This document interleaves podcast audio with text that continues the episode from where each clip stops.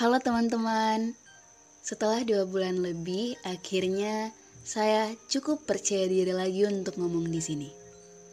Hmm, ini adalah podcast pertama saya di tahun yang baru. Entah, entah sebenarnya pantas nggak sih disebut tahun yang baru? Karena ini tuh masih kayak bulan ke-13 di tahun 2020. Ngerti nggak sih? Masih dengan suasana pandemi yang gini-gini aja, yang makin parah sebenarnya. Bahkan di awal tahun pun kita udah dihantam masalah-masalah, bencana di mana-mana. Dan tentu doa yang paling penting saat ini adalah semoga semua segera membaik. Januari 2021. Berbeda dengan tahun-tahun sebelumnya, dulu itu kalau tiap mau pergantian tahun, saya selalu punya buku khusus untuk susun resolusi di tahun yang baru. Kayak contoh, di tahun 2019 nanti saya harus lebih produktif, harus dapat juara kelas, harus ikut banyak lomba, harus ini, harus itu, harus glow up. Bahkan masih ingat banget dulu salah satu resolusi saya adalah tiap hari itu harus tulis diary. Harus tulis rentetan kejadian yang terjadi di hari itu. Dan sampai tahun yang baru selesai pun, nggak ada satupun resolusi yang tuntas. Dulu, dulu bahkan saya sendiri selalu bingung kayak debat sama diri sendiri apaan sih kok nggak ada satupun resolusi yang selesai? Padahal waktu sun itu semangat banget. Ini apa yang salah sih sebenarnya? Sampai ketika tahun 2020 kemarin di mana banyak waktu yang saya habiskan di rumah di kamar lebih tepatnya saya jadi punya banyak waktu untuk merenung sendiri untuk lebih kenal lagi sama diri sendiri. Dan saya jadi sadar akan banyak hal bahwa saya itu bukan tipe orang yang terencana atau terjadwal gitu.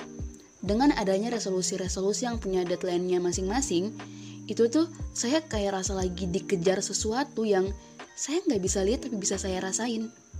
Akhirnya, karena saya sibuk menghabiskan waktu untuk lari, saya jadi nggak ada waktu dan ruang untuk tuntasin resolusi yang saya buat sendiri.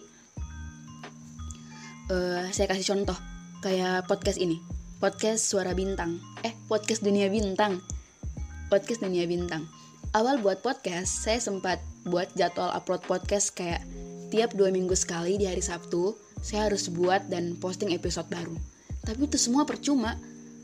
Jadwal-jadwal yang saya buat dan tempel di meja kerja saya hanya sebatas kertas biasa yang kayak nggak ada tanggung jawab saya di dalamnya. Karena saya nggak suka dan gak nyaman saya ngerasa lagi dikejar dan dipaksa. Aneh emang. Padahal jadwal saya yang buat, saya yang tentuin. Tapi anehnya saya yang ngerasa muak dengan semua jadwal-jadwal itu. Saya apa ya? Saya lebih suka ngerjain hobi saya sesuka hati. Kayaknya bahaya sih sifat kayak gini. Tapi jujur, ketika saya ngerasa nggak dikejar dan dipaksa, apa pun yang saya lakuin bakalan lancar. Masih ingat banget dulu, pas awal September di tahun 2020 saya bongkar jadwal saya saya susun jadwal baru yang di mana tiap minggu di bulan September saya harus posting satu episode tiap minggu sekali. Tapi teman-teman dengan sifat saya yang jelek ini dengan sifat saya yang kayak gini semua jadwal yang saya buat itu gagal. Nggak buat konsep sama sekali nggak take podcast juga. Tapi kebetulan tanggal 24 September kan hari lahir saya nih dan tepat jam 10 malam di tanggal 24 September, ketika dua jam lagi hari ulang tahun saya bakalan selesai, muncul ide di kepala saya. Kayaknya asik deh kalau buat podcast khusus ulang tahun saya gitu. Itu saya langsung bangun dari kasur, ambil laptop, buat konsep, kemudian tag saat itu juga dan posting. Cuma sejam doang, itu tuh karena saya ngerasa santai, ngerasa nggak ada jadwal yang lagi nungguin saya di belakang saya nulis buat blog saya pun itu suka-suka hati. Kalau saya mau nulis ya udah saya nulis. Tapi ketika saya menulis hanya karena pengen cepat-cepat posting karena hanya mau kejar deadline itu tulisan yang saya hasilkan nanti nggak bakalan ada yang sampai ending.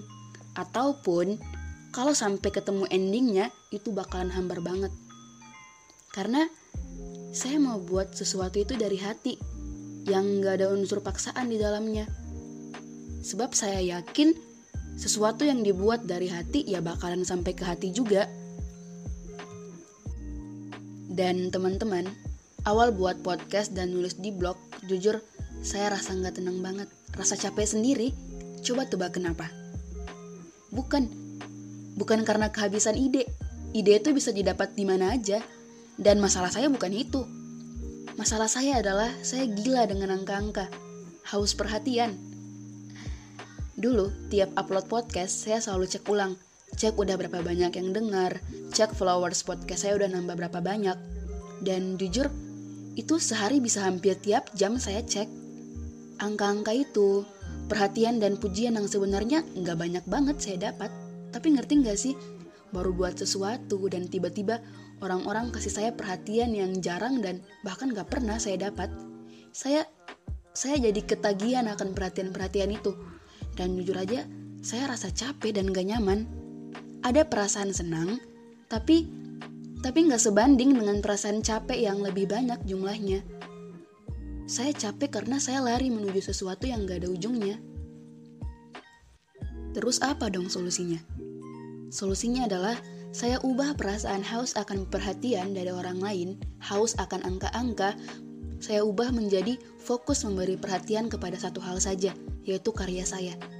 Maksudnya, daripada mengharapkan perhatian, lebih baik saya memberi perhatian ke karya saya sendiri. Karena ketika kita mau membuat sesuatu, kita harus memberi perhatian kepada sesuatu itu. Kita harus fokus dan ambil perhatian karya itu sampai selesai. Karena dengan cara itu, orang-orang akan kasih perhatian tanpa kita minta. Kalau kita mau kejar angka-angka itu nggak bakalan ada habisnya. Makanya, sekarang saya tiap habis upload podcast, saya nggak terlalu cek udah berapa banyak yang dengar. Walaupun pengen cek nih, tapi saya tahan-tahan. Begitupun menulis. Saya udah nggak terlalu pentingin berapa banyak orang yang baca tulisan di blog saya. Yang penting saya senang nulis itu udah cukup. Karena karena kalau senang, waktu kita menulis bakalan panjang. Dan mau ada yang baca atau enggak, ya tetap bakalan nulis. Ngomong-ngomong, sekarang udah pertengahan Januari. Dan pencapaian paling hebat saya di awal tahun ini adalah gimana saya udah nggak ngeluh tentang fisik saya. Udah nggak terlalu insecure lagi. Lebih pentingin apa yang saya mau dibanding maunya orang lain. Udah lumayan cuek lah sama apa yang orang lain pikirin tentang saya mungkin mungkin saya apa ya mungkin saya belum sepenuhnya sayang sama diri sendiri tapi saya mulai stop buat kasih kalimat-kalimat jahat ke diri sendiri saya nggak mau lagi kasih racun ke diri sendiri semoga sih pikiran-pikiran positif kayak gini bisa bertahan terus sih ya walaupun saya nggak yakin sebenarnya tahun 2020 itu tahun yang gimana ya ngomongnya di tahun itu saya ketemu sama fase pengen kabur dari tubuh sendiri. Saya ngalamin fase itu. Saking capek dan bencinya saya sama diri sendiri.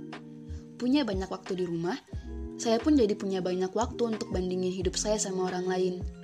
Bego sih emang. Saya pikir kayak, kok orang-orang bisa kayak gitu tapi kenapa saya nggak bisa? Kenapa orang-orang bisa tahu nanti mereka mau jadi apa? Lalu, kenapa hanya saya yang masih bingung sama mimpi sendiri? Kok orang-orang bisa sepercaya diri itu untuk tampil kayak apa yang mereka mau? Dan kenapa saya nggak bisa? Kenapa saya nggak seberani itu? Kenapa fisik saya gini-gini amat sih? Kenapa saya susah banget buat orang lain nggak bosan kalau lagi dekat sama saya? Istilahnya, saya tuh orang yang susah banget buat bangun hubungan sama orang lain. Hubungan apa pun itu. Sampai akhirnya saya sadar kalau saya terus-terusan stuck di fase ini, fase yang penuh racun banget ini, ya saya nggak bakalan bisa maju ke depan saya yang kasih virus-virus jelek ini ke diri saya sendiri. Ya berarti hanya saya sendiri yang bisa ngeluarin virus itu. Saya nggak bisa harapin orang lain buat bantu saya keluar dari fase ini, karena percuma banget ketika orang lain berusaha buat bantu saya, tapi saya sendiri masih rajin buat kasih komentar-komentar jahat ke diri sendiri. Saya masih rajin banget buat mandingin hidup dan fisik saya sama orang lain. Nggak bakalan pernah bisa. Jadi, seperti yang di awal tadi saya bilang, sekarang saya mungkin belum sepenuhnya sayang sama diri sendiri. Tapi setidaknya saya mulai berhenti buat remehin diri sendiri. Mulai berhenti buat kasih kalimat jahat ke diri sendiri.